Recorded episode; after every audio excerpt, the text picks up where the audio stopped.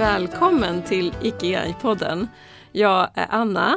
Och jag är Malin. Och idag har vi ett sånt här fantastiskt avsnitt framför oss. Det här avsnittet ska bara handla om dig Malin. Ah, gud, det är både så här pirrigt och roligt på en och samma gång. Ja.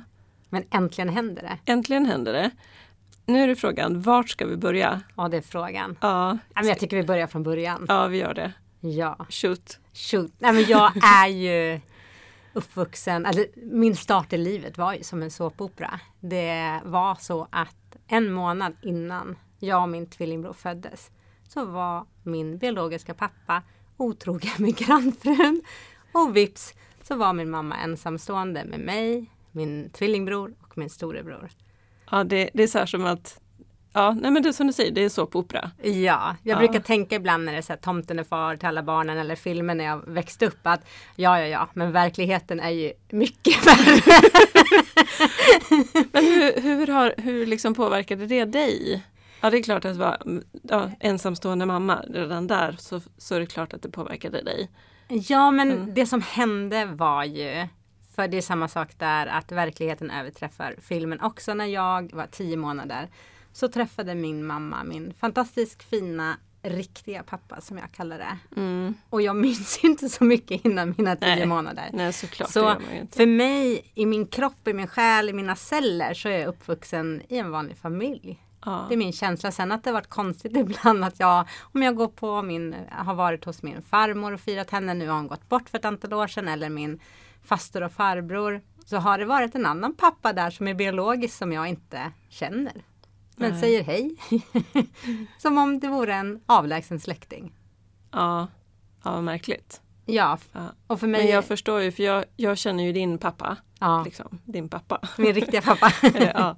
Och det är ju din pappa. ja. Och det, där är ju lite häftigt också för det det där med blodsband och det kanske inte är det som är det viktiga. Utan det är relationen. Ja men för mig har det varit så tydligt genom hela mitt liv. Och sen är jag gift med en man som är adopterad. Där det också är så otroligt tydligt. Ja, men vänta, vänta, vänta. Nu har det gått liksom från föddes till gifte. Det händer saker däremellan. Vi får inte ta så stora språng Nej. tycker jag. Precis. Ja, vad hände sen? Hur växte du upp?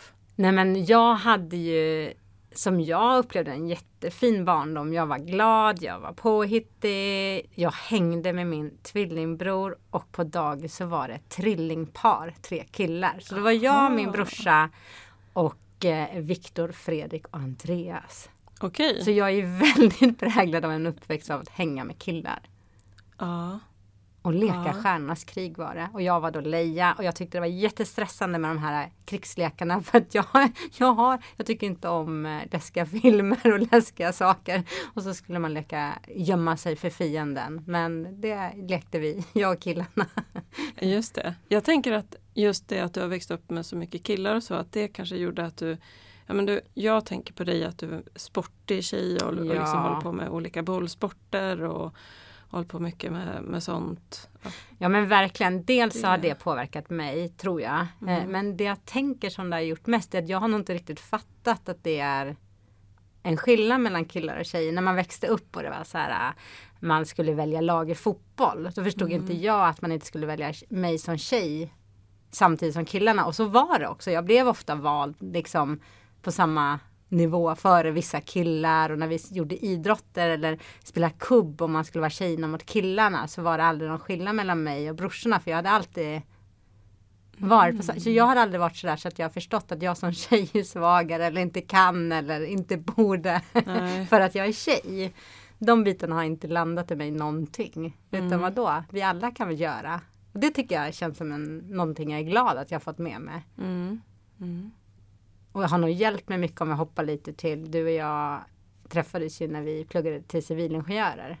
Samma sak där, både när vi pluggade och när jag jobbade har jag aldrig förstått det här med att det skulle vara någon skillnad att jag är tjej. Nej. Jag har nog bara tutat och kört och haft väldigt lätt att kommunicera med de här gubbarna. För det, det, var det jag tränade på när jag var barn, att kommunicera med killar. Mm.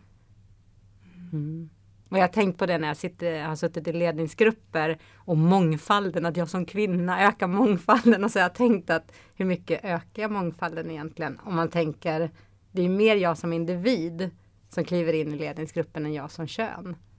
Ja, Och jag fattade ju dem mycket bättre än när jag jobbade på HR med massa kvinnor. Då var det ett helt annat sätt att kommunicera. just det. Ja. Jag är van där med att vi är raka och tydliga. Säger vad vi tycker framför varandra och inte viskar tyst försiktigt bakom ryggen på någon. Det fattar jag ingenting av. ja, just det. Mm. Ja, det är spännande. Ja. Men tillbaks till det där. Ja, jag älskade att idrotta som barn. Mm. Jag vet att jag har en barndomsvän som beskrev mig på högstadiet att på torsdagar då kom jag liksom med på ena styret på cykeln där satt gitarren. Det är inte idrott men en aktivitet. På andra styret där satt ridhjälmen och sen i ryggsäcken så var det handbollskläder och fotbollskläder. Alltså och torsdagar var lite liksom allt på samma gång. Ja. Men jag älskade det att både spela fotboll, jag var fotbollsmålvakt. Alltså det var verkligen en passion att få stå i mål i fotboll. Jag höll på med handbollen. Det var, sen blev innebandyn stor och tog över. Jag blev skadad i knät. Och på något konstigt sätt så kunde jag inte stå mål i fotboll men jag kunde spela innebandy. Och det förstår jag faktiskt inte riktigt. Men det gick. Jag slapp den här rehabträningen och så kunde jag gå in och spela innebandy istället. Och ridningen, hästar, djur var stort. Jag hade ju, jag tog hand om eh, en hund väldigt mycket. Och sen så hade jag min kanin, mitt marsvin, lite japanska dansmöss, en hamster. Ja, men jag tyckte, älskade att eh, pyssla med djuren och ta hand om dem och bygga relation. Mm. Ja, det var stort för mig. Mm. Ja, och det har ju följt dig sen också, både relation med djur och att du tycker om att liksom aktiviteter och hitta på saker och inte är rädd för ja, men, ge dig in i nya grejer eller testa nytt. Liksom. Ja, men det, Så verkligen. tycker jag dig i alla fall. Det hörde jag en person nyligen som sa i min omgivning att nej, nej, nej. Testa på nya saker, det gör man inte som vuxen. Och jag tänkte, vad menar hon? jag, jag gick inte Jag tror in. inte det har att göra om man är barn eller vuxen utan mer hur man är. Liksom, Jag personlig. älskar ju att få testa nytt och lära mig nytt och verkligen så här wow, tänk att jag som vuxen får, Mm. får testa det här. Nu, nu går jag på kampsportfys. Och jag kan inte jag kan inte, jag har aldrig brottats. Eh, Sparkar och slag känner jag igen lite från, jag tränade taekwondo två terminer på gymnasiet. Så inte länge men ändå, jag fick en stor inblick jämfört med att inte ha tränat det. Men nu går jag på kampsportfys och det är så mycket nytt, både muskulärt men även liksom liksom tankar, hur tänker man, hur gör man, det är en ny värld. Eh, men det är så, jag blir alldeles lycklig när jag är där, alltså det är så kul. Och sen har jag en till rolig sak nu som jag blir alldeles pirrig i magen när jag tänker på att jag har anmält mig till att gå steg ett till skidlärarutbildning. Apropå att lära nytt. Och, alltså det känns ju både jätteläskigt. Alltså det handlar inte om att jag bara wow, jag testar något nytt. Utan det pirrar i magen och så tänker jag det här vill jag och det är jätteläskigt. Och nu hoppar jag. Nu trycker jag på knappen och anmäler mig. Jättekul ja. Och, men jag har ju ofta förberett mig. Alltså nu har jag jobbat och hjälpt till på skidskolan i två år. Ja. Här i Södertälje i våran fina lilla Ragnesborgsbacken. Eh, och sen nu, okej, nu går jag så att jag kan hålla egna grupper. ja. Så det blir så här steg för steg för Men steg. har den grejen där att lära ut, har det varit någonting som har följt dig? Jag är inte så att jag riktigt har tänkt på det men det kanske ändå har varit naturligt för mig. I alla fall att leda. Alltså Mm. tidigt, redan när jag var Ja, visst var du lite så här att du var lagledare Ja, och lagkapten. och sånt? Jag har Ja. aldrig riktigt förstått det där men man kanske inte ser sig själv på samma sätt som andra. Men redan även när jag, jag kommer inte ihåg när man redan alltså, spelade fotboll och var, när man började ha lagkaptener. Jag kommer inte ihåg, jag började spela fotboll när jag gick ettan. Om man hade det redan då eller om det kom sen. Redan från början så var jag lagkapten. Och sen även när vi spelade division 1 i innebandy. Jag skrattade för jag var inte med i första femman. Vi spelade Nej. division 1 innebandy ett år uppe i Luleå. Och jag var ju som sagt inte med i första femman och alla andra lagkaptener de var ju typ bäst i sitt lag och de var med i liksom första femman och jag fick alltid, jag var den enda i alla lag som liksom fick gå ut när jag hade liksom snackat med domaren så att jag fick gå till min andra femma då. Och det skrattade jag åt att hur hamnar jag här liksom? Jag Fast jag inte. tänker att lagkaptenrollen har ju inte att göra med att vara bäst i laget. Eller så, utan det har att Nej! göra med det här att se alla och eh, den här ja, gemenskapsgrejen. Men, men mycket det här ja, men coachande. Nej men absolut, du har ju helt rätt. Men, Ja. men det var verkligen så här, jag Mm. skrattar ofta så här, det har aldrig varit i mig. en stark drivkraft att jag ska vara lagkapten eller jag ska det. Nej. Och det har varit jättemycket positivt men det var också utmanande för det var ju vissa som ville vara lagkaptener. Aha. Som man fick lite så här vassa armbågar ibland eller som liksom skulle psyka lite. Men där har jag nog varit ganska stark så att det, det har inte varit Ja, det har funkat för mig att stå, Mm. stå kvar men det har inte alltid varit så åh vad kul att vara Mm. här då. När det händer, eftersom min drivkraft inte var stor att hålla i Nej. uppvärmningen, att leda laget. Men uppenbarligen så tyckte tränarna att Malin du är den vi vill ska stå här. Just det. Mm. Ja. Och det kanske blir en koppling till att lära ut Ja. i någon form. Mm. Annars tycker jag ju att jag kan vara ganska så här som jag ser mig själv lite så här prata fort. Eh, tänker fort, hoppar över några steg. Min man och min dotter är ju så lugna, pedagogiska. När, vi, när Freja har matteläxor hemma. Alltså jag har ändå gått en civilingenjörsutbildning precis som du Anna. Så vi har läst ganska mycket matte. Och hon bara tittar på mig med matteläxan. Ja, jag går och frågar pappa. Och då har jag ju pratat för fort igen. Och gått sju steg framåt. Ja, just det. Så jag får ju träna på att tänka i samma tempo, prata i samma tempo Ja, som de jag är med. Just det. Mm. Ja, det är, men det är häftigt. Men, men dina an, andra val sådär då? Vad, hur kom de sig? Hur hamnade du Ja. civilingenjörsutbildning och Luleå och sådana grejer? ja, det är så konstigt egentligen för att ehm, det är egentligen bananskal och livet som har puttat mig i den riktningen. När jag gick på högstadiet då hade jag och min tvillingbror gått i samma klass i nio år och vi var riktigt less på det. Alltså jag tycker jättemycket om min tvillingbror. Det funkade Såklart hur bra som ja, helst. Mm. Så vi hade valt, min bror hade valt, då fanns det naturteknik och natur-natur. Jag hade valt natur-natur på gymnasiet och Mattias naturteknik. Så vi skulle hamna i olika klasser. Men det blir så att gymnasieskolan bestämdes för att det fanns väl inte underlag så en klass blev en mixklass. Mhm. Där man mixade de här. Fast egentligen så var det en teknikklass. Och så hade man valt ut de tjejerna som hade femma i teknik på högstadiet. Satte man in dem, fast de hade valt natur, natur, så satte de dem i naturteknikklassen. Och jag var fly förbannad. Jag kan ha temperament. Mamma sa det då att det är nog den gången jag har varit mest förbannad när jag kom hem den där första dagen och inser att tror inte min tvillingbror har hamnat i samma klass också? Och jag har hamnat i en teknikklass. Mm. Det fanns en till teknikklass så det hade gått att separera oss. Mm. Ja. Och jag går till rektorn och försöker byta och de är benhårda. Det här är väl universum som styr, jag vet inte. Jag får inte byta. Men jag får absolut sen byta till natur efter ett år. Men jag vill inte göra det då.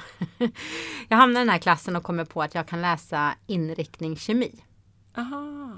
på Åsö gymnasium. Jag är uppvuxen i Haninge och gått där. Det är bara det att just det här året, alla andra år har det gått. Det här året så har kommunen bestämt nej, du får inte kommunpengarna och byta skola. Alltså jag hade sån kamp och så, men jag trivdes så bra i den här klassen efter ett år. Och kom inte in på det jag ville. Och då fanns det bygg, maskin och elinriktning. Alltså det var ju så tråkigt så klockorna stannar för mig. Men jag ville inte byta tillbaka till naturklassen för jag älskade den Men här. vem av de här onda tre tog du? Ja, det kommer. Aha. Det som eh, var att annars jag kunde ju bytt till naturklassen. Men det jag såg ifrån mig var våran värme och härliga stämning. Vi var ju då I mest klassen. killar och så Mm. blev vi tre tjejer. Så här, jag trivdes i den miljön, vi hjälpte varandra. Det fanns inte den här pressen och stressen som jag upplevde när jag tittade på naturklassen. De gick rak i ryggen och pluggade och liksom lite armbågar utåt. Vem ska vara bäst? Min känsla, ingen aning. De Nej. kanske hade jättekul. Men jag vill inte. Så det blev el. På den tiden så var el i ropet. De flesta i min klass valde el och jag hade lätt för mig. Fick, ja då var det väl MVG det hette. Alltså du vet så här, Ja. allt funkade. Det var enkelt. Eh, och sen så hade vi syokonsulenter hette det då. Jag vet inte vad det heter något annat nu. Ja. Studie och yrkesvägledare. Mm. Som engagerade sig i oss tjejer. Så vi fick åka på studiebesök på KTH. Vi fick på eh, lektionstid fika med bullar med henne och prata om framtiden. Alltså de verkligen så här eh, promotade ingenjörsyrket och jag fattade ingenting vad det var. Men jag älskade att plugga. Jag var liksom ah, så långt ifrån skoltrött man kan bli. Jag bara, vad ska jag lära mig härnäst? Så att då hittade jag en civilingenjörsutbildning uppe i Luleå som var som en öppen ingång. Där man först bara började med liksom grundämnena, alltså matte, vi läste statistik, programmering. Och jag tänkte allt det här vill jag nyfiket mm. lära mig mer. Så får jag väl se vad det där andra är. Även om jag själv inte liksom, jag såg inte vad, vad är det. Det enda svaret jag fick, du kan bli vad du vill. Eh, Okej. Okay. Gud vad, vad stressande egentligen. ja men då valde ja. jag att om jag väljer något ett år, då blev inte valet så stort att flytta hemifrån. Jag var uppvuxen i Västerhaninge till Luleå och var borta fem år eller fyra och ett halvt. Utan det vart så här, jag börjar öppen ingång. Jag ser hur det går. Mm. Samma sak där, flyt, trivdes jättebra, klarade alla tentor, fick bra på tentorna. Du vet så här, självförtroende. Mm. I efterhand har ju min mamma berättat att hon var så orolig. För hon bara, hjälp, hur ska Malin klara det här? Men hon, hon visade aldrig, hon speglade aldrig till mig. Jag kände aldrig så här att jag kanske inte kände så här, det här klarar jag lätt. Men det fanns inte så här äh, mm. en press på mig att uh, jag inte, utan jag tänkte så här, jag testar. Mm, Tycker jag inte det är kul, inte bra, trivs jag inte. Nej, och då delade ni på er, du och Mattias också? Ja, alltså, för han flyttade han, inte till Luleå. Precis, det var någon liten drivkraft tror jag. Att flytta långt. Nej men det, jag vet att jag var ju 19 år. Att bara wow, att det fanns något i mig. Hur blir jag bemött? Vem är jag? Utan min tvillingbror vid sidan. För att nu hade jag ju gått 12 år i samma klass som ja. min tvillingbror. Även om vi alltid har varit olika individer och haft olika kompisar så är du ändå alltid mm. i din närhet med din bror. Du har någon slags symbios. Så jag vet att när jag fyllde 20, det var allra första gången i mitt liv jag blev firad på min födelsedag själv. Och jag hade aldrig firat något själv för vi har tagit körkort samma dag. Vi har ju tagit konfirmerat samma dag. Ja. Det finns ingenting där jag har stått själv och blivit firad förrän jag är 20 år. Och jag har aldrig haft någon drivkraft när folk säger så att det är det bästa att få vara själv. Och jag bara, men var är Mattias? Hur ska man göra nu? Ska alla komma på mitt kalas bara till mig? Ja. Jättekonstig känsla. Mm. Som för alla mm. andra är så här, vadå, det har vi gjort hela livet. Mm. Men ja, så så hamnade jag på civilen. Och sen så tyckte jag det bara var kul att plugga och jag är ju väldigt jag är lätt för att tycka saker är kul på gott och ont. För man kan ju hamna lite fel också i form av att jag är inte så teknikintresserad. det är ju så här, okej, okay, men du har läst fyra och ett halvt år till civilingenjör och jag hade kul. Ja. Mm. Mm. Mm. Nej men och, och sen eh, efter studierna då hamnade du? Ja, först blev det faktiskt så att jag åkte iväg till Wien en termin och pluggade tyska. Eller ja, pluggade på universitetet. Ja. Tekniska universitetet i Wien. Och det är också lite så här ja, konstig malen grej att jag hade så svårt för engelska. Dels hade jag, jag hade inte lätt för språk, alltså jag klarade mig, jag hade godkänt och så men, eh, men även mentalt att prata, jag hade en spärr för att prata. Men jag mm. ville åka utomlands. Och då tänkte jag att då åker jag till tyskspråkigt land istället så får jag plugga på universitetet på tyska istället. Och det gick ju bra, det var ingen fara så. Mm. Men jag insåg ju liksom att jag kan ju egentligen engelska mycket bättre. Men det var en fantastisk tid i Wien. Men det gjorde också att när jag hade lämnat in mitt examensarbete så var det 2001 och det var eh, den här IT-bubblan hade totalt kraschat så det var väldigt svårt att få jobb. Så jag valde då att ta tag i min liksom engelska, åkte till Malta i tre månader för att bara komma över den här spärren. Mm. Mentala spärren. Mm. Så det var en jätteviktig del för, för mig att liksom ta mig den tiden och, och ja, få en annan relation till engelskan. Mm. För det satt ju i mig. Det var ju spärrar i kroppen. Det var ju inte att jag inte kunde egentligen. Nej, utan det här att bara få det att flyta. Ja, liksom. så det mm. var jätteviktigt. Och sen så hamnade jag i Bålänge på mitt första jobb. Som logistikansvarig på en, en, en svetsverkstad alltså där man gjorde stålbalkar och stålpelare som jag var, var i två och ett halvt år. Mm. Ja. ja. Mm. Nej, men livet tar en lite hit och dit. Verkligen. Mm, till och med till Borlänge. Ja. ja.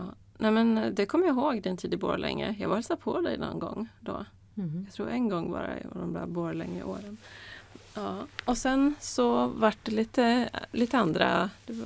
Ja men dels var det ju precis, jag, mm. jag ville, jag fick en sån längtan när jag bodde i Borlänge. Då hade jag ju varit borta i några år. Först fyra och ett halvt år i, ja, vad blir det, typ åtta år totalt. Eh, och då fick jag en känsla att jag vill flytta hem och se mina föräldrar växa upp. Alltså det var så ord som kom till mig. Alltså vara nära dem. Mm. Jag vet inte hur länge. Alltså jag fick en längtan att vara nära min familj. Så jag sökte jobb och fick i Stockholm och flyttade tillbaka till Haninge. Separerade med min dåvarande sambo. Så det blev liksom ett uppbrott. Mm. Ja. En liten händelse i livet som ändå, ja nu Mm. känns det litet, just där och då var det stort. Ja. Och började på SL och jobbade med eh, elkraftförsörjningen med tunnelbanan. Jag och mina gubbar, alltså jag har ju alltid trivts med de här gubbarna. Ja, Ja. det var fint. Och de var så stolta att ha en tjej på gruppen som var civilingenjör. De var så fina. Och jag fick inte anteckna på mötena för de andra bygggubbarna skulle inte se mig som en sekreterare. Sekreterare. Ja, så jag har så fint. mycket fint. Ja. Ja men det är. Ja. Jag kommer ihåg Ola där kom mig. Nej, du antecknar inte på mina möten. Det gör jag. Ja just det, smart tänkt Ola. Mm. Ja men det finns ju sådana Ja. fantastiska och de där behöver vi ju på vägen. Ja, däremot på veckomötena så klarade inte chefen av att anteckna. Då fick jag anteckna och vara sekreterare inom gruppen. För det var ingen annan som kunde anteckna och vara med på mötet samtidigt. Men utåt sett så nej. Ja. Du är Aha. profession här. Du, jag var Ja. logistikansvarig då också, materialförsörjningsansvarig. Ja. För även om jag läste el Ja. på programmet i slutändan till civilingenjör så läste jag inriktning industriell logistik. Och det tyckte jag var jättekul. Men den här, det blev ekonomi och logistik som Ja. blev min liksom specialarbete. Det, Men då, vad hade du liksom för ambitioner och mål? Vad, vad såg du då att du liksom... Eller var det mer eh, slumpartat vart du hamnade eller hade du liksom en dit vill jag nå?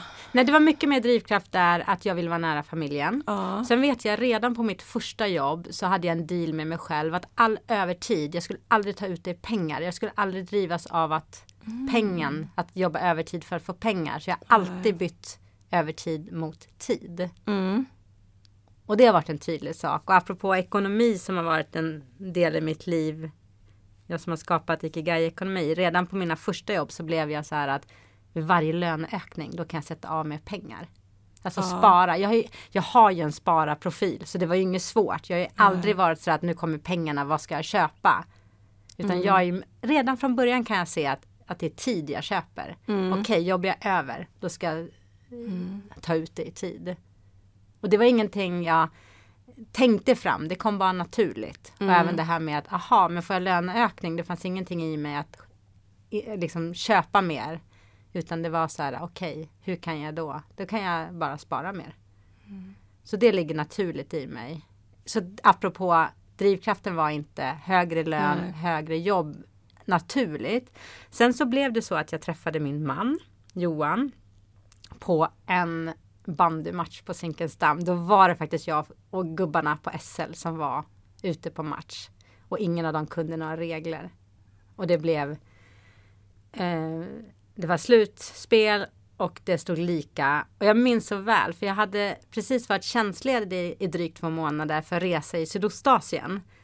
Och jag kom hem där i mars och det var kallt och det var rått och vi stod på Zinkensdamm på den här matchen och jag försökte förstå från de här farbröderna hur länge håller matchen på egentligen nu när det blir förlängning. Men ingen kunde svara. Så där står en kille som jag kan börja prata med och få svar. Och det är Johan, min man. Roligt. Snart 16 år senare. Ja. Så när jag ska gå därifrån matchen då skriver jag mitt telefonnummer. Jag kommer ihåg, jag har inte jobbat så mycket sista tiden så jag vet att jag är lite osäker på vad är det för jobbnummer. För då hade jag en jobbtelefon. Så jag kommer ihåg när jag skriver lappen till honom att eh, mitt nummer, att jag är lite osäker om jag skriver rätt nummer. Men det blir rätt. Så jag lämnar lappen till honom och säger att om du vill ses igen så hör av dig. Och på den vägen är det. Och nästa gång gick vi på. Shakira på Globen. Så att vi hade en eh, lite Mm. annorlunda start. Eller annorlunda men inte sådär, ja vi träffades på nätet. Nej. Start i livet. Mm. I relationen. Mm. Ja, spännande, häftigt. Ja. Och när jag träffar Johan så har han precis flyttat till Södertälje. Han har jobbat på Scania sedan 99 och nu då 2007 så har den delen han jobbar på flyttat från Katrineholm Ja, till Södertälje för, ja det är väl något år innan, men han har pendlat en tid. Han har precis köpt en nybyggd lägenhet, flyttat in, vad blir det, två dagar innan vi träffas. Så när jag kommer till hans lägenhet första gången, då är det så här plast kvar i, ja men du vet så här på spisen, inte använd och man bara hallå, lagar ingen mat? Men jag har ju precis flyttat in. Ja. Så det blev som att eh, vi båda flyttade in där, alltså från början. Eftersom jag bodde i Haninge och pendlade in till Stockholm och det inte blev så stor skillnad. Nej. Och pendlade från Södertälje och han hade den här nybyggda lägenheten med sjöutsikt. Som sen visade sig att vi skulle bo i så många år.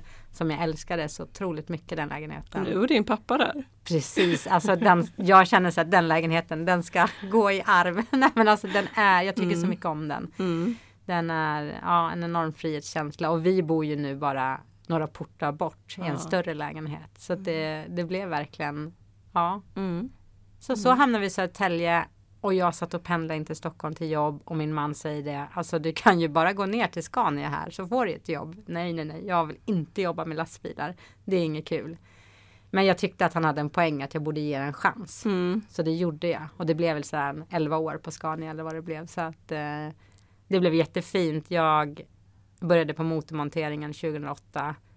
Och jag tror det tog tre månader innan jag fick min första chefstjänst. Och det var så roligt för att jag kunde ju inte mycket i Scania-världen. Så jag fick ju sitta på de här mötena. Vad betyder det? Det är ju så mycket förkortningar Ja, och internspråk. Så sen när jag kom tillbaka till min grupp och skulle hålla mina veckomöten. Ja, det här ska jag berätta om. Kan ni berätta vad det betyder? För jag kunde ju inte alla detaljer och någonting. Men de trodde jättemycket på mig och det var jättefint. Jag fick så otroligt, ja, dels så många fina olika tjänster som jag fick testa på och utbildningar. Så att det var ju så himla kul. Jag har känt en sån enorm stolthet över Scanias värdegrundsarbete, hur man jobbar med individerna. Jag jobbade en period som eh, produktionsledare för 25 truckförare. Att se den där energin, den där glöden, att det spelar ingen roll vilken position jag har. Om jag har en hög chefsroll eller om jag är truckförare så finns de där människorna som brinner för, har passion, som kommer med idéer och drivkraft. Det var så fint att få möta de individerna. Många hade ju kanske flytt från kriget och kommit hit, kanske hade en civil eller en ingenjörsutbildning men som inte var värd något när jag kom till mitt nya land och sen successivt jobbar in mig på arbetsmarknaden. Att då kunna lyfta den personen till en ny tjänst närmare det de en gång har pluggat och få se den tacksamheten. Alltså det värmer än idag i hjärtat. Mm. Ja, det var jättefint. Så ja, det är jag tacksam för. Ja. Ja. Nej, det blev ju ganska många år för dig där. Men och när började det liksom När började du känna att det var dags att gå vidare? Nej, men jag tror hände att det var däremellan också privat. Ja men precis, det var nog, jag har alltid liksom, det privata har alltid varit större i mitt hjärta än jobbet. Och, eh, men jag fick lite hjälp på traven med att om vi ska prata liksom, gå närmare mitt sanna jag. Och eh, det var ju att vi, ehm, ja men under de här åren innan Freja föddes hade fyra missfall och fyra år av ofrivillig barnlöshet. Och där det var ganska komplicerade, alltså vi behöver inte gå in på detaljer men det gjorde att jag tvingades vara sängliggande i vissa fall. Jag fick liksom mycket tid att tänka, reflektera. Jag fick även eh, två graviditeter som kan eh, spridas och bli cancer. Vilket gjorde att under ett och ett halvt år så gick jag på canceruppföljning och fick inte bli gravid.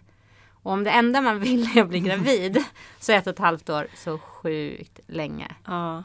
Ja. Och samtidigt i början hade jag väl en oro också att cancern skulle sprida sig. Alltså just de dagarna när vi fick beskedet om de här sakerna, de var ju hemska. Att verkligen så här, ah, okej, har jag någonting i kroppen som gör att jag dör om ett halvår? Alltså sånt satte sig i kroppen och satte liksom livet mer ja, men på allvar. Alltså vad vill jag med livet? Och när Freja sen föddes 2013, då var det så tydligt i mig att eh, det är det viktigaste för mig att eh, vi som familj finns för varandra och har tid tillsammans. Så det gjorde att det blev naturligt för mig och Johan att fatta beslut som gjorde att vi kunde ha mycket tid hemma. Vilket gjorde att dels så var vi lediga de tre första somrarna tillsammans, jag och Johan. Så juni, juli, augusti var vi lediga tillsammans.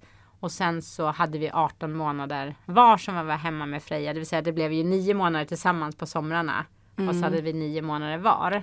Så vi fick ju väldigt mycket tid tillsammans. Och vi bodde ju kvar i den här lilla tvåan. Eller lilla, det var 50 kvadrat. Mm. Och hade ju fortfarande, vi båda har haft eh, relativt bra löner. Så vi har haft god ekonomi att kunna växla ner och vara hemma. Mm. Tack vare att vi gjorde de valen vi gjorde. Och sen vill ju universum spelas väl känns det som när vi börjar öppna upp. Så att när eh, Freja var två år, när Johan skulle komma tillbaks efter sina, det blev 15 månader han hade i sträck då.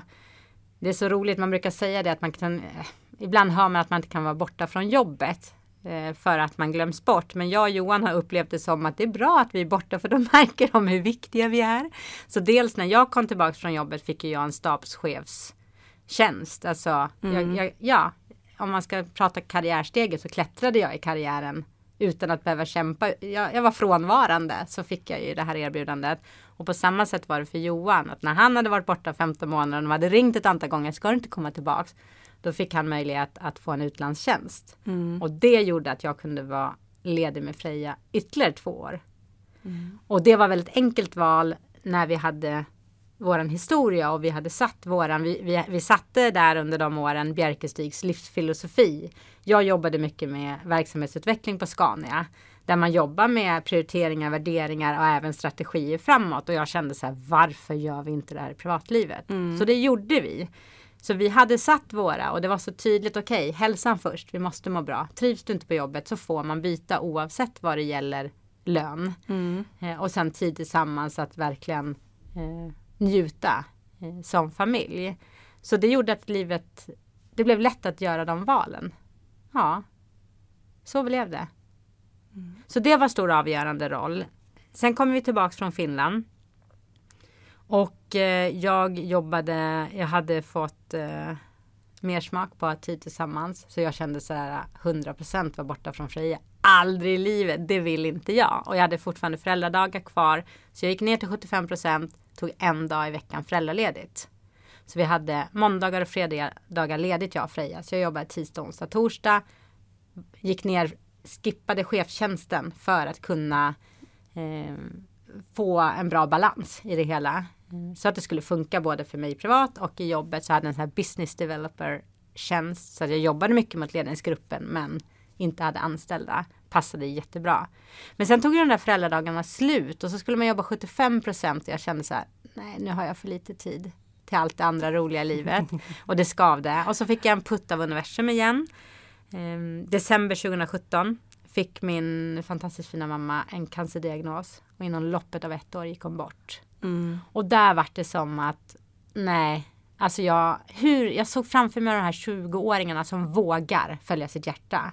Fast de har inga garantier. De har inte ens någon ekonomi att falla tillbaks till och ändå vågar de. Och så kände jag så här. Jag har hur mycket som helst att falla tillbaks till. Vi har en god ekonomi. Mm. Alltså jag har en erfarenhet. Jag kan få ett nytt jobb när helst. Alltså det är min känsla. Det kanske inte är sant. Men min känsla är att det är inget svårt för mig att få ett nytt jobb. Mm. Och jag har alltid trivs bra på jobbet. Jag brukar säga att jag hade en åtta av en tia. Men jag har varit så här, varför ska jag inte ha en tia i livet? Åtminstone sikta på den. Mm. Så när jag följdes åt med mamma i livets slutskede, då var det bara som att jag fick en sån kraft och en sån mod. Och jag hade stött på begreppet ikigai. Mm. Jag hade suttit på kvällarna med kompisar på kaféer. Den här västerländska tolkningen med det du älskar, det du är bra på, det du kan få betalt för, det världen behöver. Och bara, jag var så tagen av det. Det var precis i rätt tid i mitt liv. Mm. Vi hade ju varit inne på sådana här saker innan. Men nu var det som att nu är jag redo att hoppa. Mm. I samma veva så kommer du ner en helg eller en kväll mm. och vi pratar och du har kommit in i den här yogavärlden. Mm. Och när mm. jag pratar om ikigai och du om yoga, du bara Malin, vi pratar om samma sak. Att mm. liksom leva från hjärtat samt hitta sin väg. Mm. Och du skriver en lapp, du skickar ner lite kläder från dina killar till min dotter i ett paket och skriver en lapp det vore så kul om vi kan göra ett projekt tillsammans. Just det, och här ja. sitter vi. Ja, och sen några månader senare kommer du ner igen och en eftermiddag hänger du och jag. Och det är som att alla pusselbitar ah. faller på plats. Vi skapar våran logga, Ikigai Yoga, namnet kommer till. Vi bestämmer oss för att vi skapar en workshop. Mm. Så vi sätter liksom ramarna och så går vi, bestämmer vi att jag tror att du när du kom tillbaka skulle gå in på Friskis och fråga, får vi köra det här? Ja. Och vi frågade kanske lite fler ställen. Ja. Och så fick vi ja. Och då var det bara fylla med innehåll och skapandet. Och så var det bara så var igång. Det bara, ja. Och jag hade redan innan det här redan tagit tjänstledigt mm. för att starta eget.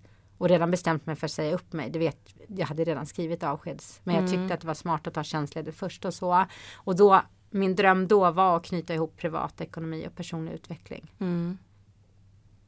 Och 2019 i maj jobbade jag två dagar på ett vanligt jobb på Scania. Men sedan dess har jag inte gjort det. Nej. Mm. That's the story he- hit.